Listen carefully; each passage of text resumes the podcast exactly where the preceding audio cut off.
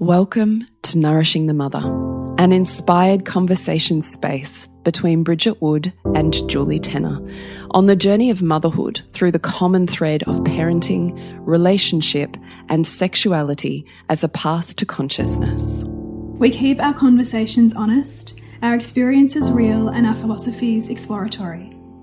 We believe that in order to raise incredible humans, we first have to raise ourselves. We know that in order to rock the family, you've got to nourish the mother. If you are here, you care about paving a path of conscious and intentional motherhood, connected with yourself and your gifts, and also illuminating your children in theirs so we may raise more whole humans who can impact this world in a more humane way. If you desire to integrate your learnings practically and supportively, head on over to bridgetwood.life or julietenner.love to go deeper. And for all live streamed, pre release podcasts and all our free content, head over to our free Facebook group, Nourishing the Mother with Bridget Wood and Julie Tenner. We are Julie Tenner and Bridget Wood, and we are so grateful you're here. Hello, and welcome to Nourishing the Mother. I'm Bridget Wood. And I'm Julie Tenner. And today's podcast is when you feel like the black sheep in your family, which I imagine most of us could identify with, yeah. being that we are a collection of alternative thinkers. so I think that, yeah, so I think that this will be a magnificent conversation around how do we navigate feeling and being in alignment with our difference mm-hmm. whilst maintaining relationship and connection with particularly families of origin. Yeah. So, we, this is inspired by a beautiful listener's email, which we will read, though keep her anonymous. And we just want to say a huge thank you for the vulnerability that we're fully aware it takes just to reach out and say, there's this thing. Mm. And I'd love for you just to open it up. So thank you to that listener too. And if you find yourself in that place, please, please reach out. So we would love to be able to meet you exactly where you're at. Yeah. So Bridget, are you going to read the email to us? I will. Dear Bridget and Julie, I have tried to write this email six times, but have not been able to get it down to a few sentences. So I have just sent as is. Hopefully, you can tease something out. I was wondering if you could do an episode about extended families and family of origin. I am currently struggling with the cultural differences between my family and my family of origin, specifically disrespect and maintaining relationship with non conscious family. My mother, the head of the family, and my sister don't respect my husband. They would deny it, but it's there. Additionally, I don't feel understood or that I'm always respected. We are both black sheep, constantly questioning the status quo, trying to live by our values and applying consciousness to as much of our lives as we can. My family of origin are not this way. They don't ask questions at gatherings, they don't approach with curiosity, and they don't get us or try to get us. I have been code switching since I was a teenager with family and friends to try and fit in and not upset people with my intensity, aka my introspection and attempts to evolve. I have also allowed my husband to be disrespected in the past. We have been together 16 years. Because I'm the joker of the family and in my immaturity thought it was harmless. I have owned up to this with my husband. My husband is a tall poppy and has always stood out. He refuses to be less for my family or to be inauthentic, especially because of what that models to our children. I completely agree. I wish my family could love him for who he is. COVID has brought to the fore our differences and the disrespect my family has for my husband and would have for me if I had been more outspoken in the past. It's a subtle disrespect and lack of genuine care, so difficult to confront I would like advice on how to claim my power in a feminine way without being aggressive, cold, or justifying or explaining us away. I have tried to help them understand me for years. I still don't feel understood or respected. I have no idea how to navigate these relationships going forward. I'm on the precipice of evolution to become stronger, and I'm really struggling with it. I don't want confrontation. My family doesn't handle it well. And I don't think I have the right to ask them to change themselves or evolve alongside me. but I don't like what putting up with this treatment communicates to my kids as they grow. Again, I thank you so much for even reading this and apologize for how long winded it is. I feel very vulnerable spilling myself out in an email this way. Your podcast has made such an impact on my life and the life of my family. Thank you both. I just like I well up with tears oh, at the end of it. Me too. Yeah, because I realize the courage and the vulnerability, and often even the pain that pours out with words like that. To for you to send that to us, dear listener, uh, we would love to open that up um, in a conversation and hopefully offer you some pearls of wisdom to help you move forward. Yeah. Oh, heck yes. There's so many places I want to take this conversation. I kind of want to preface it with I think this is entirely um, on point, if there can be such thing in the collective consciousness, because just this morning I've just come out of my honey club space where I've been facilitating a conversation. I had Tara Braun come in and facilitate a really hard conversation. So just this morning, we've spent an hour and a half in honey club looking at literally exactly this. How perfect. Yeah, how perfect. Up for this one. Well, I just love it because it makes me, it really hits home to me how how incredibly important it is, and this is why I love Tara's work, to consider and to be the modeling of having hard conversations whilst maintaining relationship. Mm. Because what we tend to assume is that if I have a hard conversation, there's a fracture in our relationship. So we can't stay in relationship with each other and have hard conversations. Yeah, it's almost like they're mutually exclusive. Right. Mm. Versus we can't be in relationship, true, authentic, deep connection without being able to have hard conversations.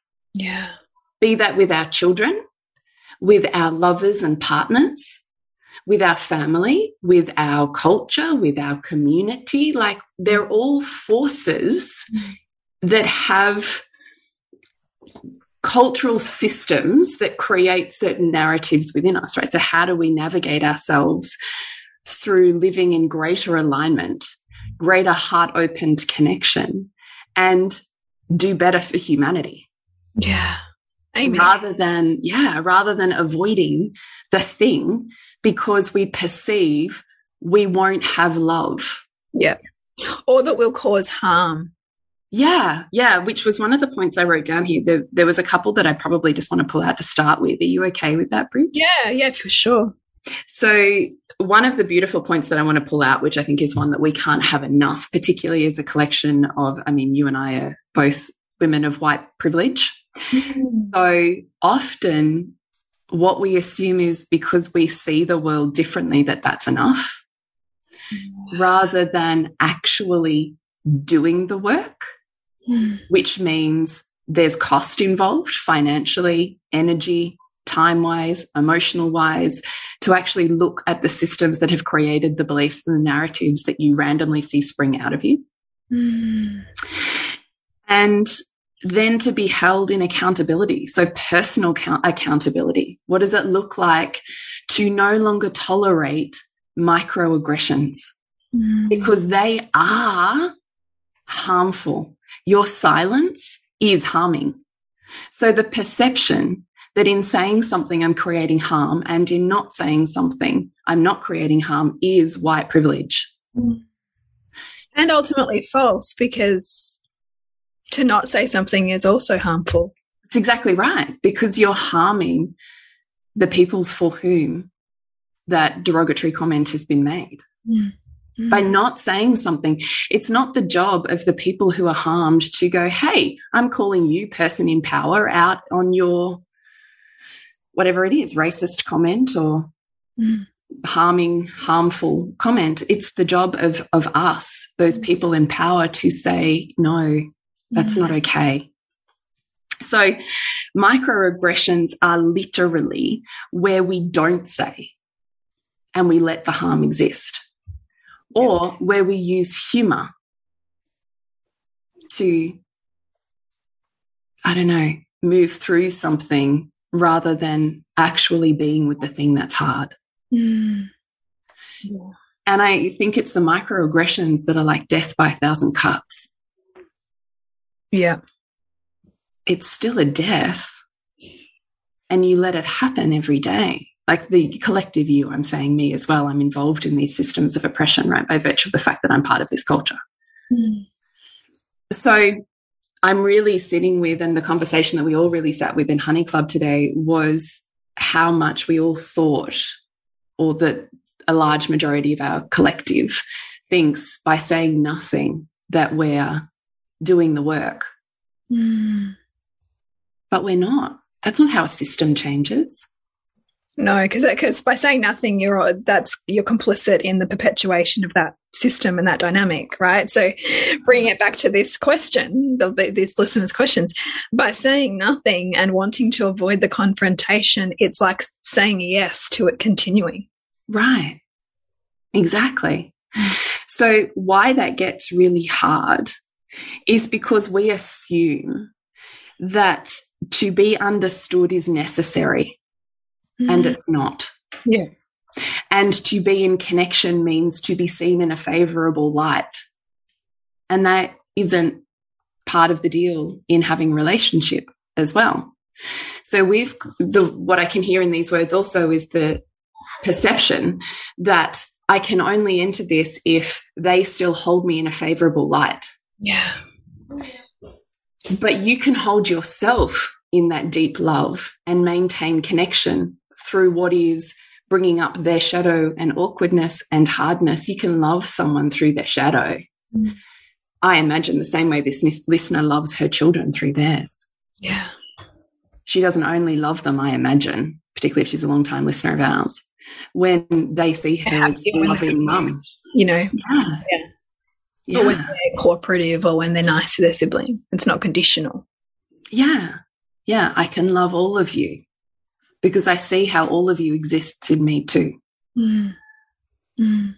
We're not oppositional. So I think that they were two fundamental um, differences of perception, I suppose, that I wanted to begin with. And then I wanted to bring in exactly what you had said, Bridge, around not wanting confrontation. Mm. And I think that that speaks to this point too, is that we assume hard conversations have to be confrontational in some way. Mm. And I don't know that they have to be. I really don't. I'm not sure that I think if we move into righteousness, they can get confrontational because now my ego is battling your ego. Yeah. And it becomes defensive very quickly. Yeah. If it's coming from a place of righteousness, I know better. I need to teach you. Mm. Versus, I can love you and offer whatever it is that helps you understand and transform. Yeah. Which can just be one step beyond where you are.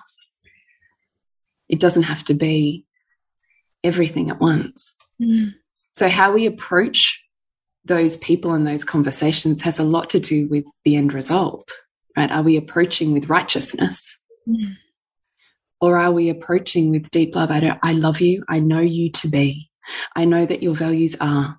I mean, this is something that Tara talks about so consistently. You and I have both been in her learning spaces. So, and we talk about it here in terms of conscious parenting. What is the framework that says, I see you, I know you are this human? Mm. And I don't know if you know, but this part is what's just come out. And here's what it is like, name it, right? Name it to tame it. And it's harmful in these ways. And here's, you know, you can move on from there if you want to, but depends on where you're at. So I don't know that confrontation always has to be um, defensive. Mm. And it's okay for you, me, whoever, to be in bodily discomfort as we meet new edges. That's okay. Because unfortunately, the reason that we navigate away from those harder conversations that are bigger paradigm shifting moments are because we're too stuck in our own white fragility. I don't want to feel that level of discomfort, so I'll avoid the thing. Yeah. That is white fragility. I see it in myself. And honestly, sometimes it makes me sick. Mm. But I'm part of a system. I've been conditioned for generations. It exists in my DNA. Yeah, and, and also we've learned on a subtle level that to be able to be um, to exist or survive in this system, that that's what gets you there. Like that's how you get to be seen, included, and participate in that system is to play that role, which is why unwiring that behavior can be it is lifelong i think for all of us. And so it's you know bringing enormous compassion to ourselves as we practice that and also to those who we're in relationship with mm. which brings us back to the self-righteousness piece which can come up a lot when we perceive that we are you know the conscious ones the ones seeking to evolve quickly the ones who are doing the work and the powerful and humbling thing is is to look at okay well where am i not doing the work mm -hmm. where are my edges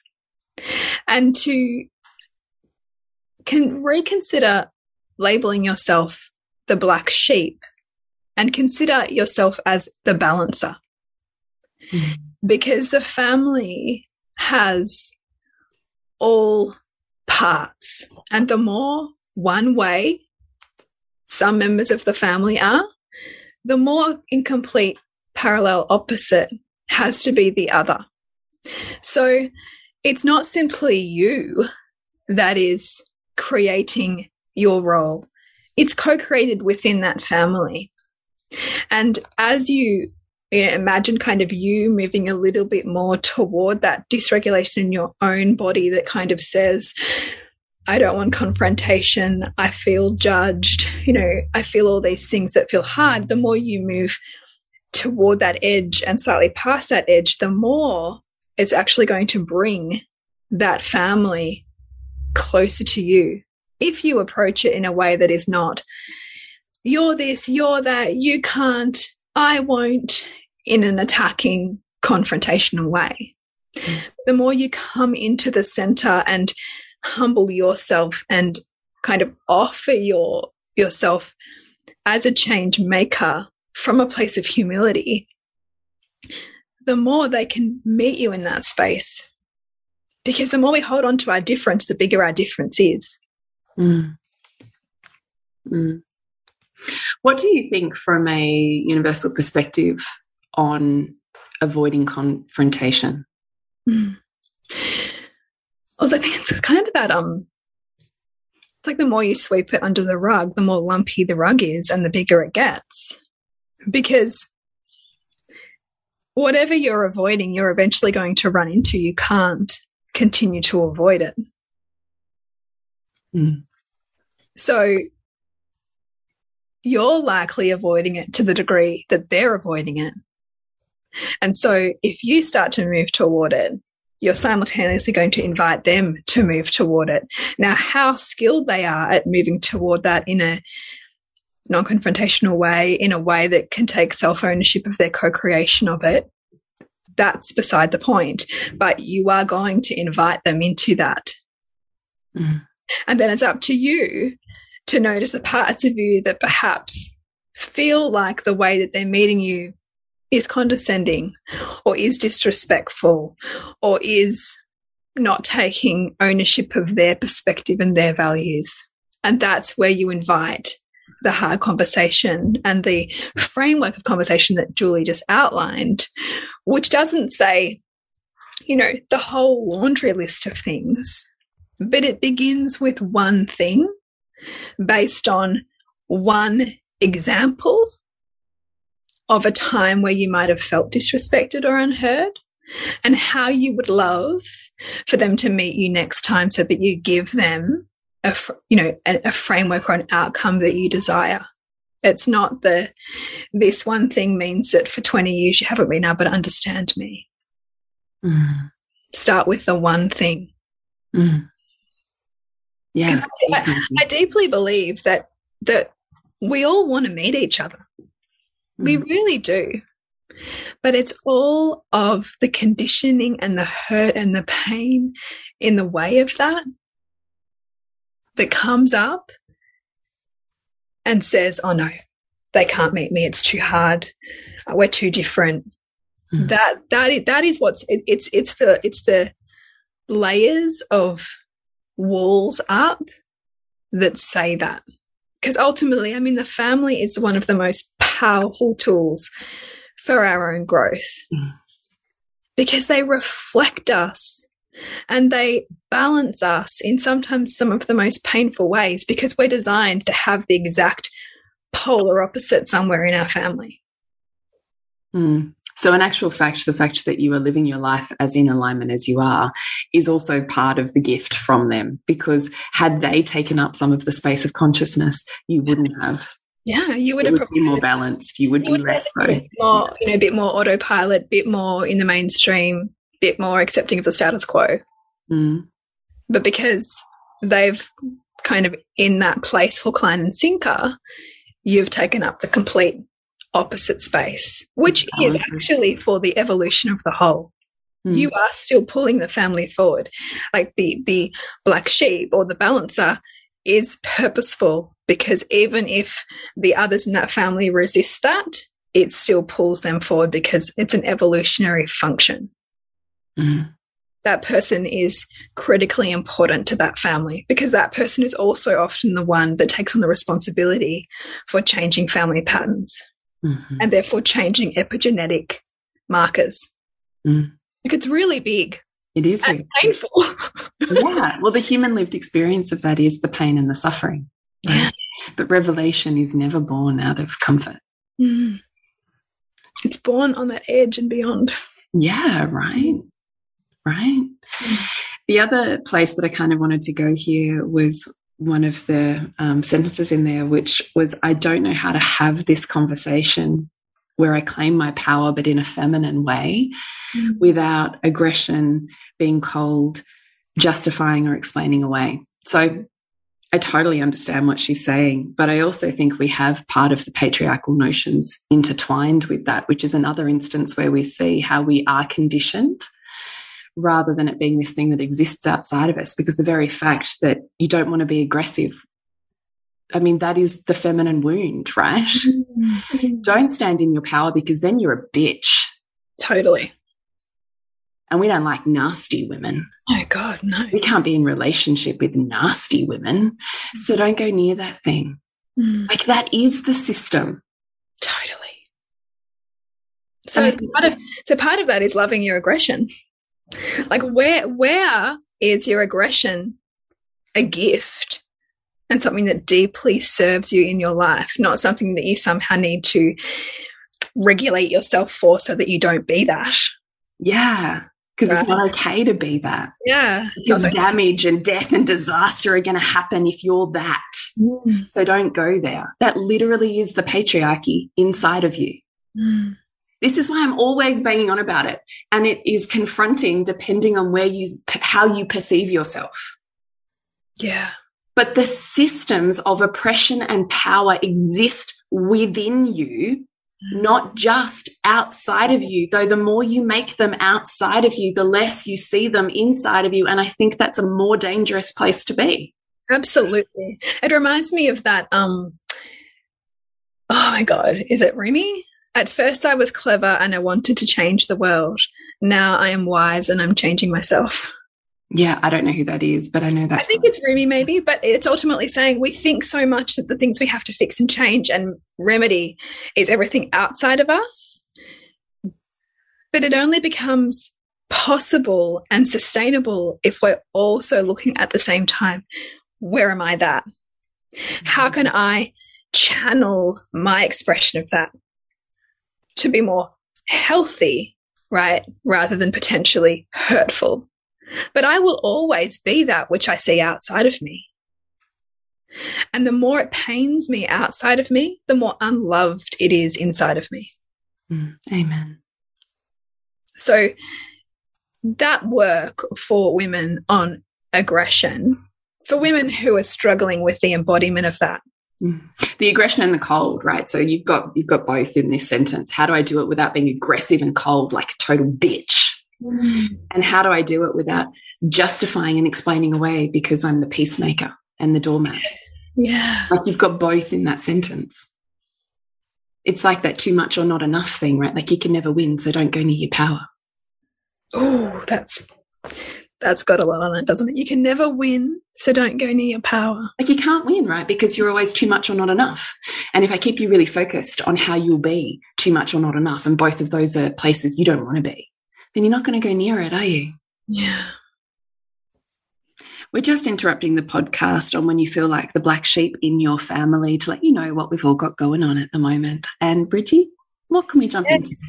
Coming up is Disrupt, Revealing the Mother Wound. So, we will delve deeper into many of the concepts in this podcast as part of that course. It's a five week container to really develop both your inner mother, your mother, and your relationship with your own mother. So it's an unraveling and an expansion of your motherhood, which I'm really excited for. And how do we find that? Yes, uh, you go to bridgetwood.life. And what have you got coming up, Jules? You can jump into Honey Club at any time. And I've got Lovers School coming up in about another four weeks. So stay tuned for that at julietenner.love. Yeah, much, much easier to stay in this kind of middle, middle grey of acceptability for the system that you exist in. Yeah, it's, you so busy. It's not entirely fulfilling. In fact, it's probably deeply depleting, but you're accepted there. Yeah. And this is part of what I love. And you and I have had this conversation often is for all of the ways that you perceive you don't conform, you are to an equal extent conforming. Yes. I love that reminder. Yeah. Because I've had to, this is how I've humbled my own self righteousness is by continuously asking myself this question because I can perceive myself as the outlier. I can, like you, I'm sure, Bridge, and by all means, you talk after me. Um, I can perceive myself as the black sheep, the one who, you know, I mean, let's talk about the systems I've stepped outside of, nearly all of them. Stepped outside of the education system. I've stepped outside of the health system. I've stepped outside of the birth system. I've stepped outside of the career system. I've stepped outside of, I can't even think now, so many systems. and then so I can be like, I'm like, I'm a, not a conformer. I'm like this, you know, wild woman in the world. And then I'm like, fuck, where are you equally conforming? Mm. Because for every bit I'm not, I am. Where am I toeing the line?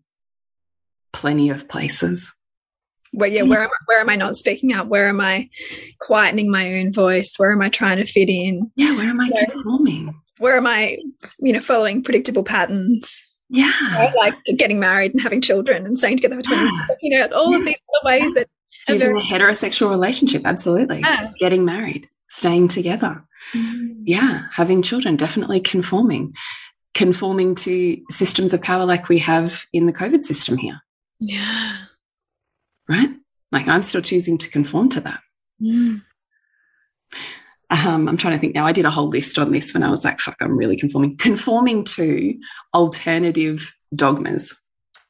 Because exactly right. Like, do you swing so far from like Western medicine to yeah. a opposite?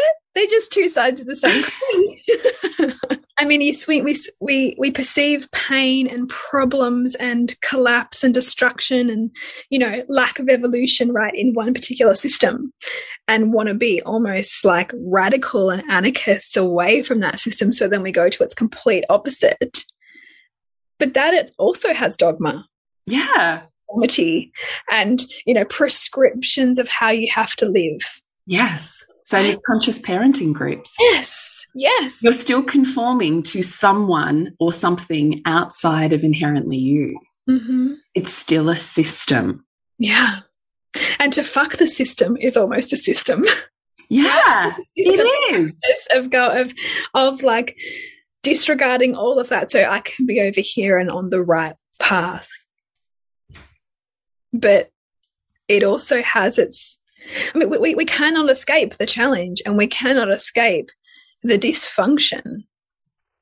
And so the humbling part of looking at where we do conform and not conform, we then get to go, okay, well, where do I actually authentically want to play? Mm. I know I can't avoid conforming. Mm. So where is my power and my alignment in how I want to conform? Mm. And how can I not judge the other for where I perceive that they're conforming? Because I know that where I choose to conform is because it's deeply meaningful to me, mm. to my purpose and to my mission. And can I feel that same level of reverence for difference? Yeah. Rather than asking the people that I love to be the same in order for me to be okay. Mm. Mm. We just have to get better at loving with difference. And loving people where they are. Yeah. Because spirituality is not something that you have or do or get when you meditate or you have an interest in natural medicine or crystals or consciousness. Every single person is a spiritual person mm. in their true values. Mm. So the corporate high flying businessman who, you know, is a ultra capitalist, mm. he's highly spiritual. That's his expression of his spirituality. So I think we need to humble ourselves too, where we otherize in such a way that we make something bad. Because mm. as soon as we label it, we're just not understanding it. Mm. Yeah, totally. Totally. And at the same time, how do we honor ourselves? Like mm. in this example, particularly like I imagine myself being in her position, and this is my husband. Mm it would be a no go boundary for me. I, like, that's not how boundaries don't forget. Um, uh, I'm just having a flashback to Honey Club this morning. I had this beautiful woman in there who has worked with me for a number of years, and she had this beautiful reflection on what has been deeply meaningful for her in navigating tricky conversations with family.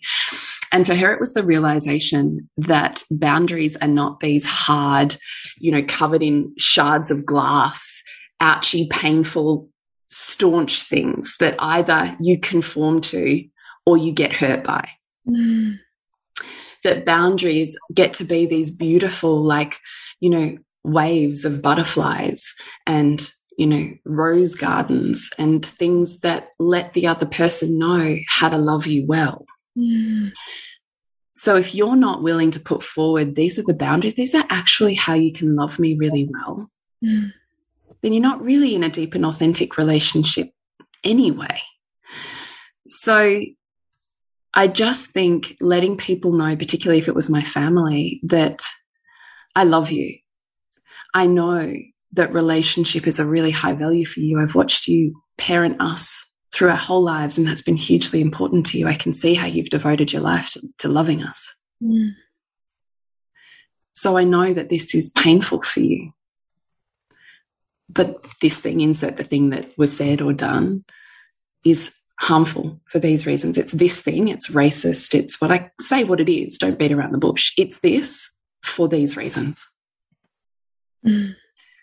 And I can no longer, you can go with this or not, I can no longer tolerate that. I can't.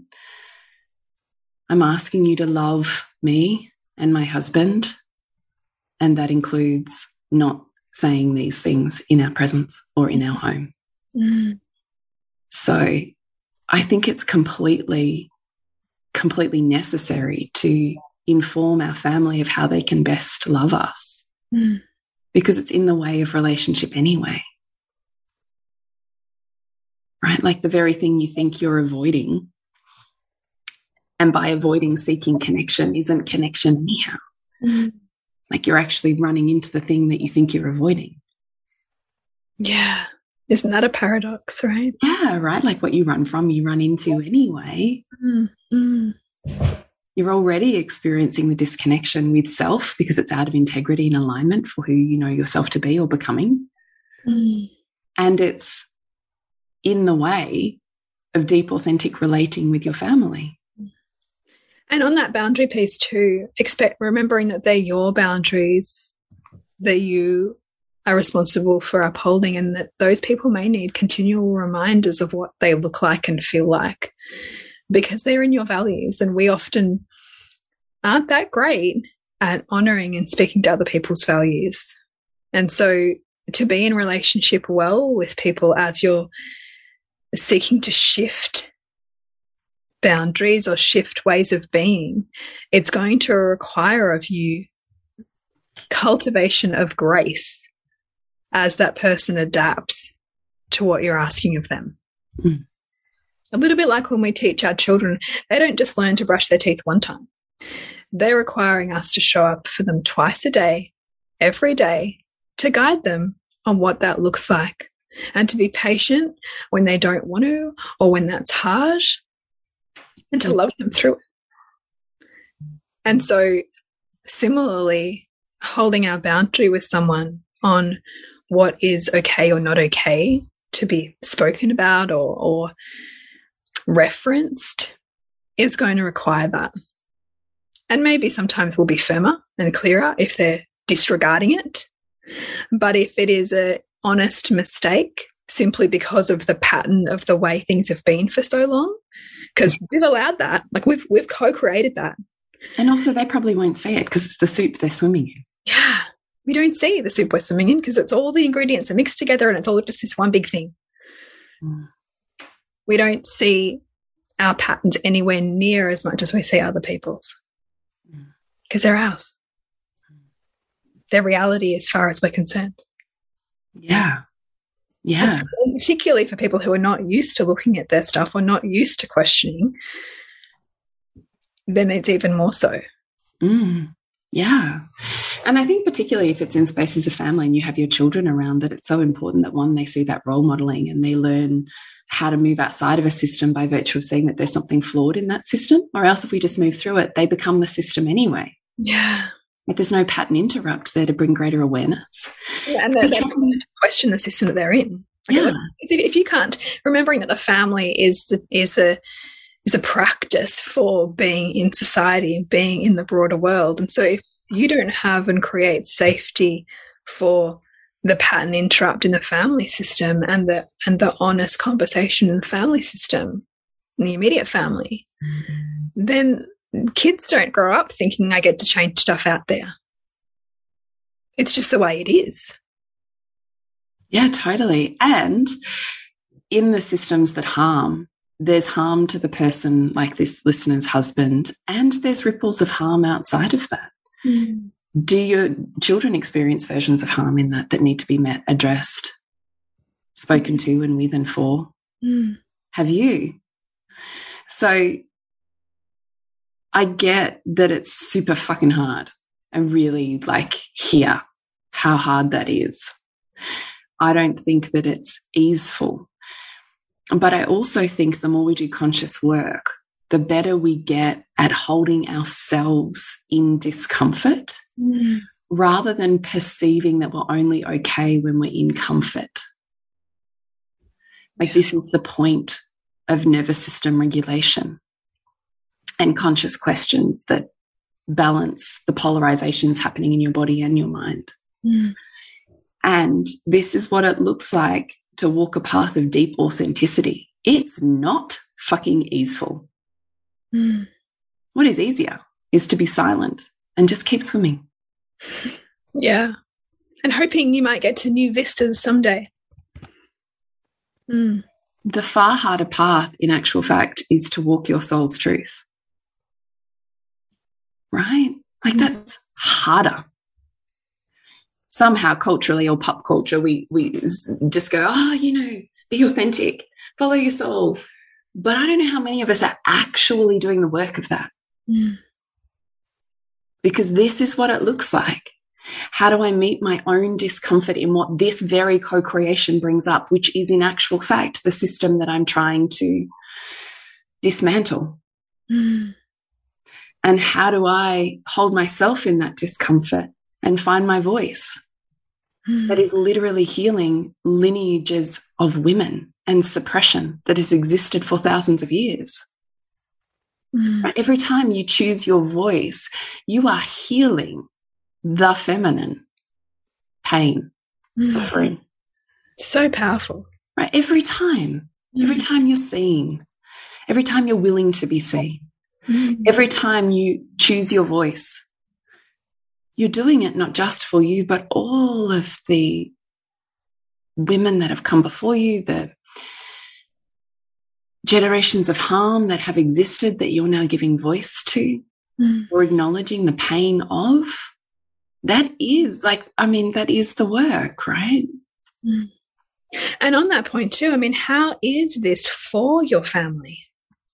Mm. Right? Like when we talk about healing the feminine, how is this leaning toward discomfort and leaning toward changing how you relate in your family actually a gift to that family mm. that is helpful to your mother and does things for her she couldn't do for herself because as long as we think it's going to be bad or negative or in some way hurtful to them, we can often stop the actually important and valuable work that is moving toward that, mm. having those conversations, setting those boundaries. When you perceive it's only a drawback versus how is it of service to them and you and actually on the way for, for what you want and desire. Yeah, yeah so beautiful. It's such important work, isn't and it? And part of it is also looking back into your past because we'll often have a belief that our family doesn't like confrontation because of our past experience of bringing them something and them struggling with that. So for me, like some of my work has certainly been going back to my teenage years where I perceive I went off the rails or, or I caused pain to my mother and looking at her life then and looking at how for her it could not have been another way. And that it was just what she needed at that time in her life for me to be going through that and behaving in that way. Mm. Because it was stretching her and she was needing to face herself and her relationship with my dad might have needed me to be challenging to bring them together. Mm. There's a system, an unseen system that needs challenge from children or from different parents to help the whole system evolve. Mm. And as long as we label ourselves as wrong or um, hold shame and guilt for those experiences, we're not seeing the wholeness of those experiences. That's a distortion. That's that we're holding on to to avoid our own pain essentially. And so part of it is looking at how can I become more comfortable in my own dysregulation? Mm -hmm. How can I hold myself instead of expecting others to hold me through conflict? Mm. And how can I love them through what feels hard? Oh gosh, I just love everything about that so hard. I actually feel like that is the crux of growing up. Yeah. Is actually being able to hold yourself mm. through hard stuff without needing the world or other people to be to different. Yeah. Yeah. To change around you. Yeah. Like how, that is the work, right? Like how do you be the youest you, not protected, not guarded, mm. just you mm. and hold yourself in that. Mm. And also recognize too that that if you are on this consciousness path or this desiring of your own spiritual growth, that you're not only choosing light, mm. because if you try that on, you can welcome some family conflict. and you will make them the problem, but they are just your shadow. They're just your shadow. And they're there for you to love because it will come out another form, right? Like wh whoever is challenging you right now, how can you say thank you? Mm. Which is brutal when you're in the challenge. Yeah, it's brutal. Yeah. totally. I'm not saying it's easy, but I'm saying also you don't get to choose a one sided experience. Yeah, totes. 100% hear that. 100% hear that. So I guess let's maybe just do a quick wrap up on starting points for this beautiful listener, because you and I both want her to have an experience of self that's more um, revered, perhaps mm. the word. mm. that's just held by her as sacred so that she has the capacity to enter it. Mm.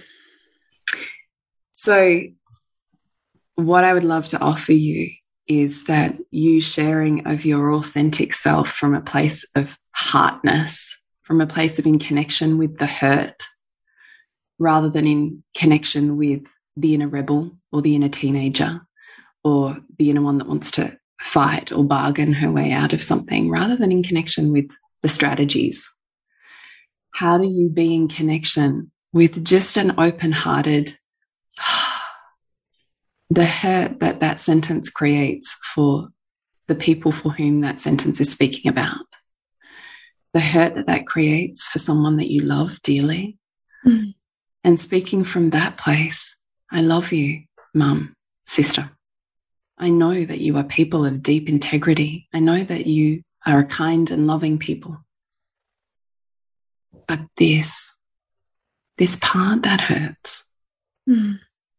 And I can't have that here anymore because it's harmful in these ways, because it hurts in these ways. Mm. And if you'd like to have a conversation about that, I'd love to have a conversation with you.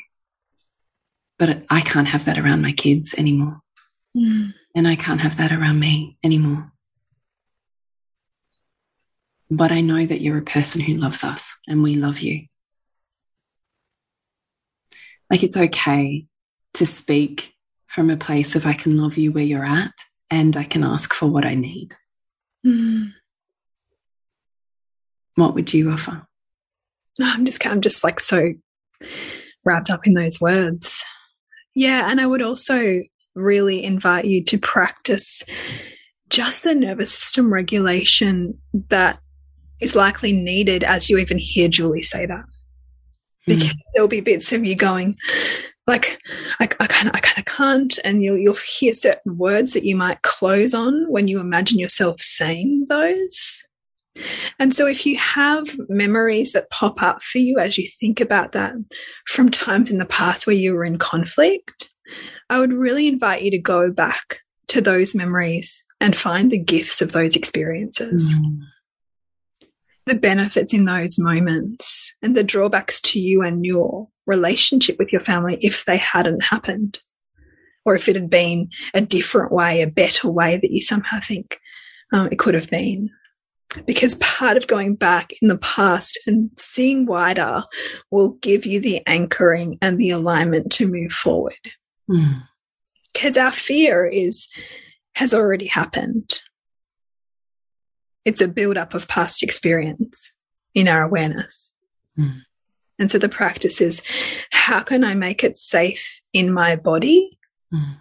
and my mind to move toward this and blast past all of the stuff in the way, the stories that I tell myself, that make it impossible for me to do that or impossible for them to do that, right? We're either saying I can't or they can't. It's one of the two. Mm. So, how can we? Mm. Yeah. Yeah. God, yeah. And how do we have an expanded version of what it is to love? Because mm. it doesn't always look like connection and softness, right? Yeah. But sometimes it also looks like I love you enough to call you into deeper integrity. Mm. Because that is love. Yeah. And until someone points something out to us, we can't see it in ourselves. Mm. So we're likely all walking around doing the thing that because no one's had the guts to tell us otherwise, and we haven't never seen it. Mm. Yeah. and that was and, and like I can, I can just think of so many examples of that in my world and and we think that we're helping that person by doing that but we're not. No we're not. We're just helping ourselves. Yeah. And at the same time creating harm still. Mm. Mm. yeah. So I, you know I totally all of us i think can collectively feel how deep and hard and heavy it is. No one's taking this conversation lightly. No. But the more we have this conversation and practice beyond the place we stop, Yes. The more safe it becomes to enter. Exactly. Exactly. Mm. And how do we love through the hard stuff, not just when you're convenient for me? Yeah. Yeah. Totally. Mm -hmm. So, dear listener, we really hope that this lands somewhere for you and feels empowering and offers a pathway forward for where you feel stuck. And hopefully, I'm sure helps other listeners in, in similar mm. dynamics because we're all there in some form, right? That's that's family and that's growth. Yeah, totally. Totally. So if you're ready to dive into this work, I would also say to you to check out Tara Brun as well. So we'll put her details in here because she does hold incredible accountability in spaces of deep learning. And to connect with you, Bridget. It's bridgetwood.life. And, and what have you got going on at the moment, girlfriend? Yeah, what's coming up is Disrupt, Revealing the Mother Wound. So it will touch on aspects of this in there as well. So really looking at what we come with, looking at the stories and the narratives that we think is is the truth, right? And unraveling those and finding our expansion within mothering ourselves, mothering our children, and our relationship with our mother too. So that begins on the 18th of October. Yeah. What about you, Jules? You can connect with me at julietenner.love. And you can jump into Honey Club at the moment. It's my monthly membership. Or you can, and or you can hang on out for Lover School, which is about another four weeks away. So more details on that to come. Exciting. Mm. Remember to nourish the woman to rock the family. And I'll see you next. Whoa. I'll see you next week. What do I say? We'll see you next week. I just had a total mental blank. Oh my Lord. And We'll see you next week when we continue to peel back the layers on your mothering journey. Thank you so much for listening. We literally couldn't do this without you. Please share this podcast with anyone you think it would be medicine for. If you desire to integrate your learnings practically and supportively into your life, then head on over to bridgetwood.life or julietenner.love to go deeper. And if you feel like giving back a little to this free content, please rate us on iTunes or Facebook, all of which helps the podcast reach more mamas who need this type of tonic for the soul.